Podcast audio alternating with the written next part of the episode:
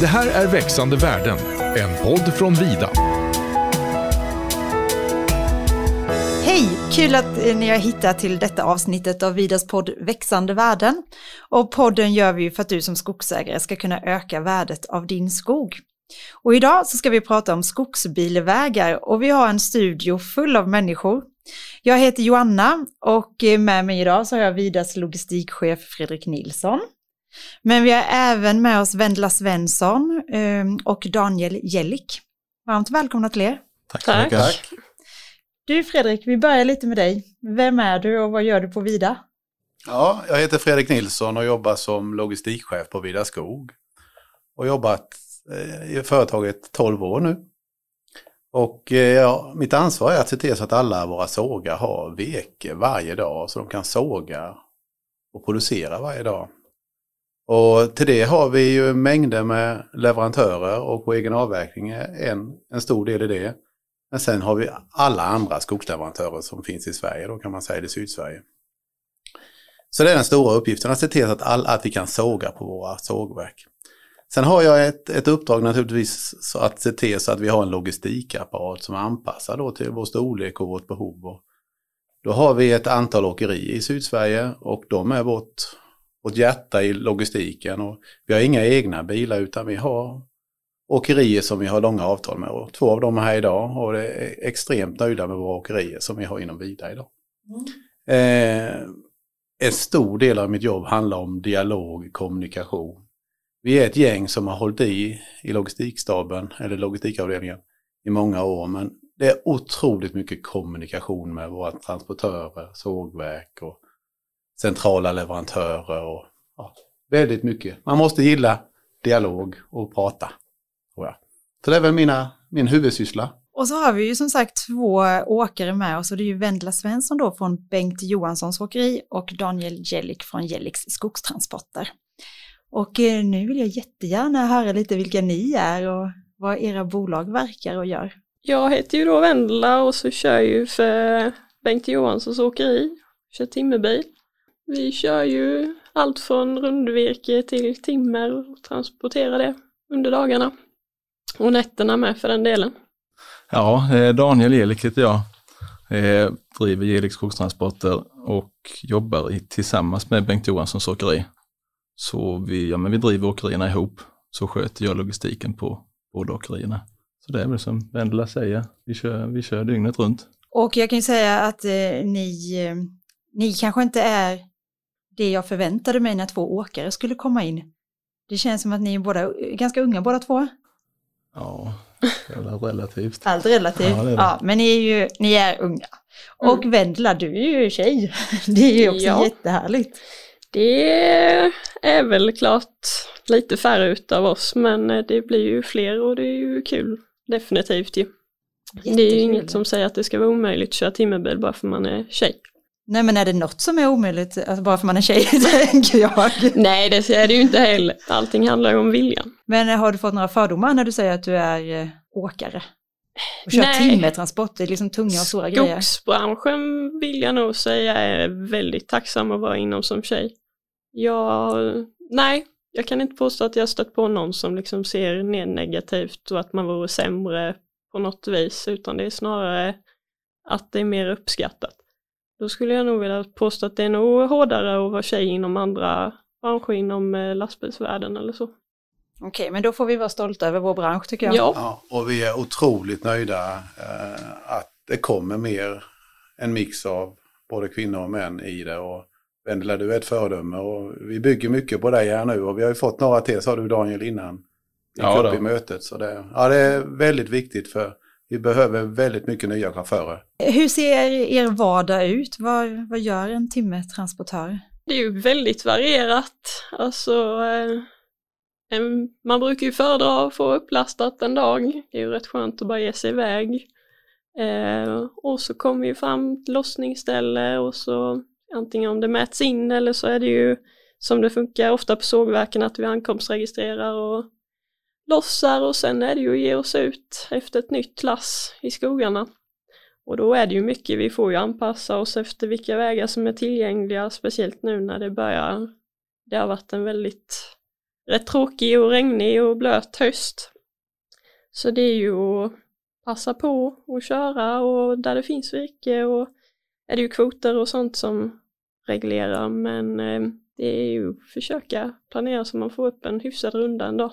Och vem gör den planeringen? Får du till Det gör det? jag. Det gör du. Ja, Ja, jag, gör det, jag gör det Gunilla. Vendela gör, eh, men ja, jag får ju planera allting och ringa runt till alla anställda och säga vad de ska göra. Och hålla koll på vilka vägar som är okej och hur kvoterna ligger till och ja, vad, som, vad som går bara och vilken sort som ska in. Och den informationen, var får du den ifrån då? Den får jag via mail. Utav, Från eh, oss, ja, från Vida? utav Martina och Fredrik. Just det. Och det blir väl så att vägen är ju extremt betydelsefull för er. Ja, jag, Ända ut i skogsbilvägen. det är nästan det vi får börja med och in, innan vi börjar planera. Se så det är farbart bara. Men hur upplever ni åkare dagens skogsbilvägar? De kunde ju varit bättre. Mm. Så de kunde, alltså det, ofta så är det ju så små förändringar som krävs för att det ska vara helt okej, men det är ofta de små förändringarna som uteblir. Så det är lite retsamt. Det är, det är väl det vi får jobba på bara. Och du sa ju till mig innan mötet Daniel att du sa 20 procent ungefär var, Ja. var bra nog. 10-20 procent är helt okej. Och så är det 10-20 procent utav dem som, som kräver större åtgärder, men majoriteten av vägar räcker det med det, med det lilla för att göra dem helt okej och farbara året runt nästan. Men Vendela, du som är ute då, vad är det, vad är det bästa liksom, läget och det värsta? Det finns ju olika, helt klart. Nej men komma in antingen till på en väg man vet där det är bra material, liksom det sviker inte oavsett väderlek ungefär. Och bra vändplan framför allt, eller om det är rundslinga med för den delen. Men eh, när man vet att det finns egentligen ingenting som ska kunna hänga upp sig. Och ibland vet man ju när man ska till ett ställe att det är trångt på ett vände eller det är väldigt sönderkört. Och då får man ju tyvärr ha med i beräkningen att man kanske blir stående stark och får, eh, ja det är så onödig tid ibland man får lägga när det är så små grejer som kunde gjorts i ordning innan, även där.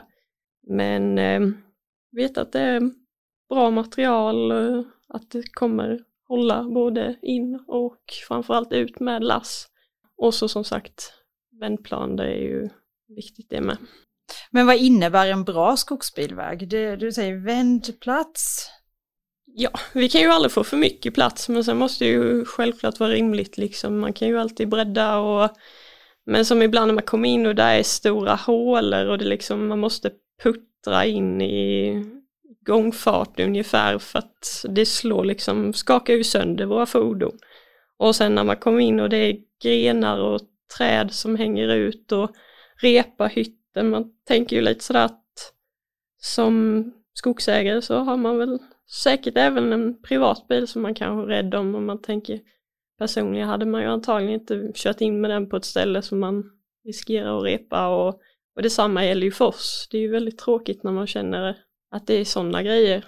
Och det är sly i kanter och sånt där som det är så onödigt. Det är ofta små detaljer. Men finns det lagar och regler att ta hänsyn till när det gäller skogsbilvägar?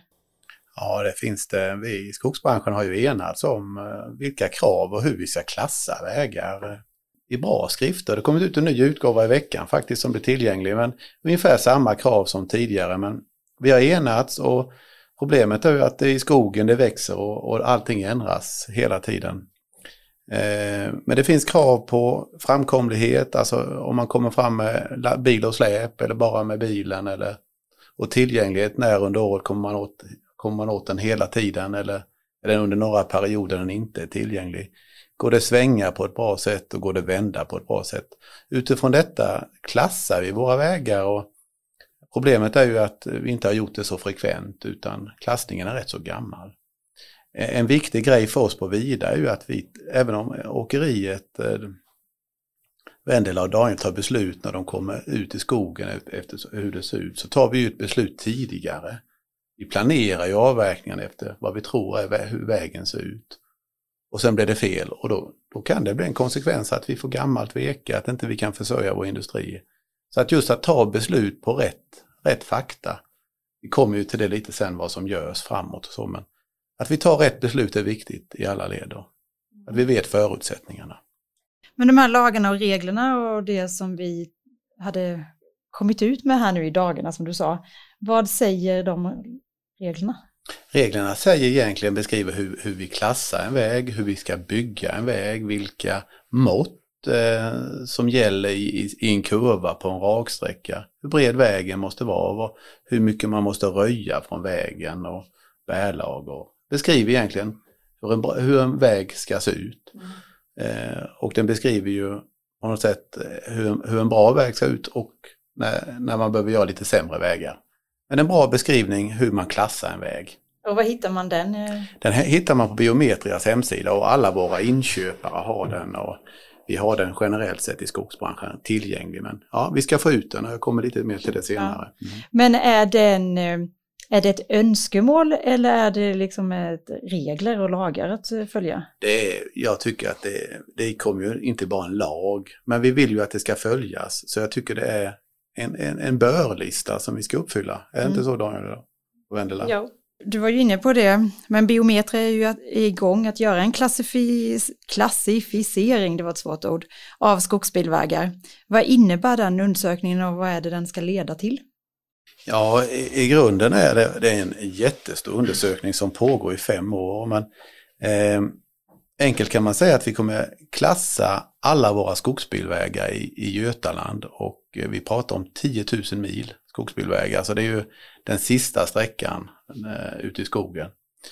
Det ska göras under fem år och det är 30 år sedan vi gjorde en sån klassning i södra Sverige. Och nu gör vi den igen och tanken är att vi går igenom varje väg Biometria gör detta, hjälper oss med detta och Skogforsk. Och så får man en ny klassning. Och resultatet av det är ju att vi får en status på hela bilvägsnätet. Hur ser det ut? Hur dåligt eller bra är det? Samtidigt som vi får i markägaren en, en, eh, en bild på vad som krävs för hans skogsbilvägar och vi som inköpsorganisation inköpsorganisationen Vida eller Södra får en bild på hur vägen ser ut redan när vi ska avverka den vi får en otroligt bra lista för en förbättringslista faktiskt. Eh, hur vi kan göra dem, i många fall de enkla förbättringarna som Daniel beskrev tidigare. Mm. Och den undersökningen, du sa att den pågår i fem år, är den i sin slutfas eller har den precis påbörjat? Nej, vi har, vi har kört i två år nu och vi kommer fortsätta i tre år till och sen så efter det så måste vi fortsätta. Då hoppas vi att vi kan ha fått rutiner, verktyg, bättre verktyg där vi mer automatiskt kan klassa våra vägar löpande med, med utrustning. Idag är det en manuell inventering som görs av fältpersonal. Vi gör också ett utvecklingsprojekt vid sidan om, så att hur kan vi få teknikstöd för att klassa våra skogsbilvägar. Och jag gissar att man hittar även den på Biometrias hemsida. Allt detta finns på Biometrias hemsida. Och skogsägaren, vet de om när de är på sin, undersöker deras vägar eller? Nej, det vet de inte tyvärr och det är väl någonting vi måste förbättra, men de får ju en återkoppling efteråt. Eh, och ni som åkare, vad kan ni göra för att förbättra vägarna? Det är inte, inte jättemycket egentligen. Anpassa lite efter väder och vind när vi kör där och hur frekvent vi kör där. För vägarna måste ju få vila eh, mellan transporterna också. Men eh, jag tror inte det är så mycket just vi kan göra för att för att göra det. Är det en bra väg från början så, så kör vi på den och då är man ju rädd om den. Men är det en dålig väg så kan vi inte hjälpa om den går sönder. Så det är ju egentligen det som är grunden, att det, att det är bra material i vägen och den är tillräckligt bred. Du sa att viden, vägen måste vila. Ja. Vad innebär det? Alltså kör du frekvent på en väg, för vattnet trycks ju upp i vägbanan och hinner inte det rinna undan så, så brister vägen till slut. Man mattar ut vägen. Det blir som tjällossning ungefär, det kan hända när som helst. Okej, så den måste sätta sig nästan? Ja, mm. ja man måste låta den vila. Mm. Och ibland så kan vi inte låta det vila. Så då är det extra viktigt att det är en bra väg från början. För annars så märker vi det. Och vad kan vi på Vida göra för att skogsbilvägarna ska bli bättre? Men vi kan hela tiden beskriva behovet av eh, vägarna och det, det är ju så att skogsbilvägen är ju faktiskt förutsättningen för att vi ska få virket och industri. Vi börjar ju där, har vi ingen bra skogsbilväg så kan vi faktiskt inte börja avverka. Och när vi avverkat så måste vi kunna då transportera in den till vår industri så vi håller den varje dag. förbrukar lika mycket. Så att vi har ett jättestort behov att, eh, att det här fungerar bra och generellt sett så, så, löser vi väldigt mycket problem. Men det kanske kostar lite för mycket ibland för eftersom vi inte har åtgärdat vägarna. Men vi kan göra mer och vi behöver göra mer. Eh, jag tycker, sen det här projektet, det här stora klassningsprojektet kom igång så har vi kommunicerat mer inom vida om vägens betydelse. Vi har haft rätt mycket artiklar i våra tidningar och det har våra, ja, våra konkurrenter också haft. Och vi, vi pratar mer vägar och vi informerar mer om dem. En annan grej är ju att eh, vi vill skapa också incitament för markägarna att, eh, att arbeta med sina vägar. Så att idag är det faktiskt en kostnad och den, och den är höjd. Att kan man inte köra en bil och släp så blir det en extra kostnad, en extra avverkningskostnad på 25 kronor fubben ungefär. Som, som markägaren får betala. Och, och, den kostnaden kan man lägga på sina vägar. Så att vi har höjt, höjt eh, den kostnaden för att skapa incitament för, för ett bättre vägnät och det tror jag är en jätteviktig grej. En annan grej som, som eh, vi arbetar med inom Vida eh, det är att vi försöker ta med skogsbilvägen i våra skogsbruksplaner. Vi tar med den och, och, och tittar på den med. Då blir det en naturlig del i vårt samtal med, med markägarna och då blir vägen viktigare. Och det tycker vi är bra. Eh, vi måste öka kunskapen hos våra inköpare, entreprenörer och arbeta med hur vägar ska se ut. Det kommer nya krav och vi kommer ha en utbildning för våra inköpare nu i vägar. Som Pelle, Pelle Ström hos oss kommer hålla i där. Så att, ja, det finns mycket att göra. Vi får jobba och slita lite hela tiden tror jag. Men varför skulle mm, skogsägaren bry sig om sina skogsbilvägar? Ja, eh, jag kan svara på det. Eller vad jag tycker då, det är ju på något sätt förutsätta att vi kan avverka sin skog. Eh, möjlighet att göra en ännu bättre affär. En tillgänglig skog är en bra skog. Och eh, har vi bra vägar så minskar avverkningskostnaderna. Och sen är det att en bra väg skapar ju möjlighet att komma ut i sin skog. Tillgängligheten i skogen ökar. Så den är viktig. Den är faktiskt grundförutsättningen för att vi ska få virke till vår industri. Och ni som är ute och kör på vägarna, vad skulle ni säga är de så här topp tre? Det här bör skogsägaren absolut liksom titta på och underhålla. Det är bärlager, vändplan, eh, få bort stenar och stubbar som är precis intill vägen som vi ofta får krypa över och riskera att köra sönder våra ekipage istället. Eh, rensa sly så vi slipper ha, ha sönder speglar och lack och annat. Fylla igen hålor i vägen. Ja. Så vissa saker är egentligen ett vanligt underhåll. Ja, ja det är egentligen det enda. Mm. Sköter de underhållet så behöver de ofta inte göra så mycket när vi väl kommer dit. Utan då, men det är det många slarvar med. Så då blir det istället att de inte gör någonting och så går vägen sönder så kostar det oftast tre, fyra, fem gånger mer att åtgärda felet när det redan är det än om de hade gjort det förebyggande. Men hur mycket tid behöver man lägga på sin skogsbilväg årligen? Jag tror, det, jag tror det räcker oftast, så är det, är det en hyfsat bra väg i grunden så räcker det nog att sladda den en eller två gånger om året. Så behålla den så får man ut material i, i vägbanan igen. Och, och årlig röjning? Ja. Eller löpande röjning? Ja, löpande röjning när det behövs. Mm. Och hur många vägar, ni sa innan att, eh, vad sa ni, att 10-20 procent var var det bra vägar eller var det dåliga vägar? Det är, det är ju lite, det är lite egentligen, alltså en bra väg en bra väg för mig om jag har kört i 15 år. Jag kan ju köra på många vägar som nybörjare inte kan göra. Så det är ju var man sätter den gränsen, vad en bra väg är. Mm. Men det är det jag tänker att en väg som är okej okay för mig kan jag skicka in vem som helst på. Sådana vägar finns inte många av. Det är väl där problemet är. Så det finns en hel del att önska då? Ja, det finns väldigt mycket att önska. Mm. Man ska inte behöva klassa en väg utifrån vilken erfarenhet du har av att köra. Det, så är det ju väldigt mycket nu vi kommer ha väldigt mycket nya chaufförer framåt och vi måste få ut virket. Så att det är därför den här klassningen är väldigt viktig, att den blir homogen och att vi klassar vägen lik, likadant allihopa. Så det, vi välkomnar klassningen och vi välkomnar en förbättring av vägnätet. Mm, gör vi. Men skogsägaren, har de välkomnat klassningen eller? Det, det, är nog både och. Eh, det finns nog en hel del som har fått sina vägar nedklassade och klart att då är det ju då är det negativt. Men vi får nog se det som en positiv grej framåt att vi, att vi möjliggör att köpa bra skog och kunna avverka skog. Så det, det är nog både och. Hur finansierar man en skogsbilväg då? Ja, man, man får nog se det som en investering. Eh, eh, en investering för att kunna hugga sin skog och den är ju, kan man ju skriva av i sin verksamhet. Sen är det ju att eh, se, minska sina egna avdrag. Som jag pratade om, kan man köra bil och, och, och släp så, så är det mer, då är det en billigare avverkningskostnad. Så, så att, eh, och med de avdragen som finns nu på om man inte kan köra bil och släp så, så tror vi att det är en rätt billig investering att ha ett bra skogsbilvägsnät. Och om man är lite osäker på om ens väg är bra eller inte, vad tycker ni att man ska göra då? Antingen titta på biometri eller fråga inköpare eller om man känner någon som har åkeri eller kör timmerbil, fråga vad de tycker och utgå lite från det. Får ni mycket frågor, Vendela, från markägare om vägen är bra? Nej, det kan man väl inte påstå. De är nog, eh, lever nog på hoppet att det funkar, så det, det är nog inte så stort engagemang. De vill nog bara få undan sin, sitt virke och kanske inte veta så mycket om verkligheten. Och vad säger du är den vanligaste frågan från en eh, skogsägare? Går det att köra med bil och släp? Och, och sen är det ju en klyscha som vi får, vägen växer igen men det gick ju att köra vägen för 5-10 år sedan. Den upplever jag som vanlig, stämmer det? Jo, det har ju väl klart hänt lite med ekipagen och det är ju tyngre vikter som ska ut från vägarna också. Så det ska man ju också ha med i, som en aspekt i. Men det glömmer nog många bort.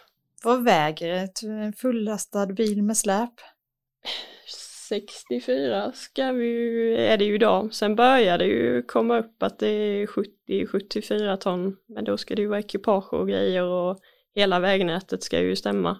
Så man får nog ändå vara beredd i framtiden tror jag på att det kommer bli krävas ännu bättre vägar om det ska effektiviseras transporterna och tåla ännu mer. Jag tänker ni som jobbar med så tunga transporter, vad finns det för säkerhetsföreskrifter som ni förhåller er till eller skyddsutrustning eller vad, vad är det ni behöver tänka på? Nej men det är väl att hålla, alltså köra med laglig vikt och försöka se till så den är jämnt fördelad över axlarna på ekipaget och se till att det är lastsäkrat. Det är tunga ekipage vi kör eh, och det är klart att är det en asfaltsväg så håller det lite mer och det är klart att när, vi inspekterar våra vägar kanske vi gör det med personbil men det är betydligt tyngre saker som ska in på vägarna och, och då ska de hålla för dem med. Och det blir tyngre och tyngre med nya, nya lagar som kommer och så. Sen kan jag känna att eh, har man frågor till om, om vägen är bra eller dålig så är ju den naturliga kontakten inköparen. Sen kan eh, våra inköpare fråga åkerierna som är där på vägarna hela tiden. Det är väl så Daniel och Wendel att ni känner till de flesta vägarna ni kör. Ja, Ni har ju väldigt bra kunskap. Och de flesta inköpare har också väldigt bra koll eh, på vad som krävs på vägarna också. Men hur mycket skiljer en skogsbilväg på sommar och vinter? Det är nog lite vilken, var du, alltså rent geografiskt var du är någonstans som borta hos oss i Halland runt Halmstad. Det är ju betydligt mer kuperat än vad det är som i Småland. Eh, så vintrarna är ju, det är ju branta backar som är isiga och snöiga. Och somrarna är ju likadant överallt att då då är de flesta vägarna bra när de är torra och hårda och fina men som det, detta vädret nu så, är det ju, så märker man vilka vägar som inte, ja, där, där underhållet är bristande, där det inte finns något material. Utan man har levt på det här att de, de kör när det är torrt. Men är det vissa vägar ni får helt undvika nu då? Som det är nu, ja det är det. Är det dåliga vägar som, alltså det kan ju vara gräsbelagda vägar, det, det, kan vi knappt åka in nu när det har regnat så här mycket för då, då sätter vi oss, då sitter vi fast. Mm. Och det är väl där vi i, i, kan man säga, skogsindustrin måste få, få till det, för industrin igen, den går hela tiden så. Vi kan planera om och vi har ett utbud vi kan välja på, men det krävs mer och mer vägar som går att köra och vi vet ju, vi vet ju inte riktigt vad, vad miljön, på, hur, hur det påverkar. Det kommer regna mer och så. så att det finns många grejer som, som, som gör att våra skogsbilvägar måste höjas. Om det är regn eller om det är miljö eller, eller vad det är. Så är extremt viktiga för att vi ska kunna råvara till vår industri. Så eventuellt eh, en, en blötare framtid med mer nederbörd och tyngre transporter. Det känns som att det är läge att kolla upp över sina skogsbilvägar. Ni nickar, men jag... Ni håller med? Ja. ja. ja, bra. Är det någonting som ni tycker att vi har glömt att ta upp som ni gärna vill skicka med skogsägaren? Nej, men det se till att göra de här små grejerna. Att snåla inte. Om, om de väl bygger en vändplan eller lägger, ny, lägger nytt grus på sin väg, att snåla inte på det utan gör det ordentligt från början. Annars så kommer det nästan garanterat att kosta det dubbla när det väl går sönder. För att de fuskade från början. Utan gör det ordentligt från början. Mm. Det är nog det, det bästa man kan tipsa dem om. Och du Vendela, vad säger du? Det är ju eh, som sagt så små detaljer ibland och det är som man kommer till en vändplan och det saknas en meter ungefär. Det kan ju vara rätt så frustrerande och det blir så mycket besvärligare allting. Så gör det ordentligt från början och försök följa de rekommendationer som finns. Fredrik, har du något att tillägga? Jag, jag blir glad när jag hör eh, Daniel och Vendela berätta att det, det krävs rätt lite saker för att förbättra vägarna rätt så mycket. Och det, ju, det räcker ju med att, på, att vägen är dålig på ett ställe. Så är ju hela vägen dålig och sen så då blir åtgärden också lite enklare om det bara är på ett ställe. Så att, ja, det, det känns som att vi tillsammans i hela skogsbruket kan göra vägarna ännu bättre. Men, men alla måste vara med då. Och eh, vi kommer ju behöva fler eh, åkare också. Så då nu när ni sitter här, då vill jag passa på att veta, vad, nu får ni göra lite reklam för ert yrke. Vad är det bästa med ert yrke? Det är väl egentligen vetskapen att det, man hittar inte så mycket annat som är svårare än detta. Det är nog så enkelt. Men sen är det även det som skrämmer många. När, när det finns dåliga skogsvägar, att många nybörjare blir ju, blir ju skärrade direkt och tänker att det här vill jag aldrig göra igen. Men det är väl framförallt det. Så du får en liten kick när du lyckas. Ja men det får man ju. Mm. Det får man ju. Alltså det, man vet ju andra, alltså som, som, alltså som kör andra sorters lastbilar, de skulle aldrig åka in på sådana vägar vi är inne på. Nej, så du känner att du har Ja, är- ja, vi- jag ska inte säga att vi är lite bättre, vi har ju vant oss vid de vägarna vi kör på, men, nej, men det, jag vill nog påstå att vi, förr var det i alla fall sett som det, bland det värsta man kunde göra. Mm, för att det var svårt. Ja, Mm. sen hur det ser ut idag det vet jag inte, men det var det så förr i alla fall. Mm. Och du Vendela, vad tycker du är bäst med ditt jobb? Nej men det är väl variationen och så är det ju överlag väldigt härlig arbetsmiljö man har och man får ju se sig omkring väldigt mycket. Och eh, det är ju något visst att vara ute i naturen och eh, som när man kommer till ett hygge och det är speciellt sommartid och det bara doftar gott och mm, nej, och det är inte, alltså det är det gäller väl att ha planering och det flyter ju på och sådär och när det gör det men tiden går ju fruktansvärt fort. Och det, sen finns det ju självklart sämre dagar som allt annat men eh, överlag de dagarna som är bra det väger definitivt upp det. Vad säger du Fredrik, har du några avslutande ord? Nej, eh, det är spännande tycker jag med, med flöden och logistik och det är väl bara det att allting hänger ihop så att vi måste på något sätt jobba med hela flödet och det börjar faktiskt rätt så mycket på skogsbilvägarna Mm. och sen ska det in till industrin men börjar det inte bra så slutar det inte bra. Så att, ja, en viktig fråga för oss. Ja, Mm. och det är ju mycket som hänger ihop som Ja. sagt. Det börjar i skogen och sen så ska det ut från skogen till våra industrier och ut i världen. Mm. Det var allt vi hade att bjuda på idag och om ni frågar mig så var inte det så lite. Men tack för att ni kom hit och tack för att du lyssnade så hörs vi igen om två veckor. Hej då! Hej då! Det här är Växande världen, en podd från Vida.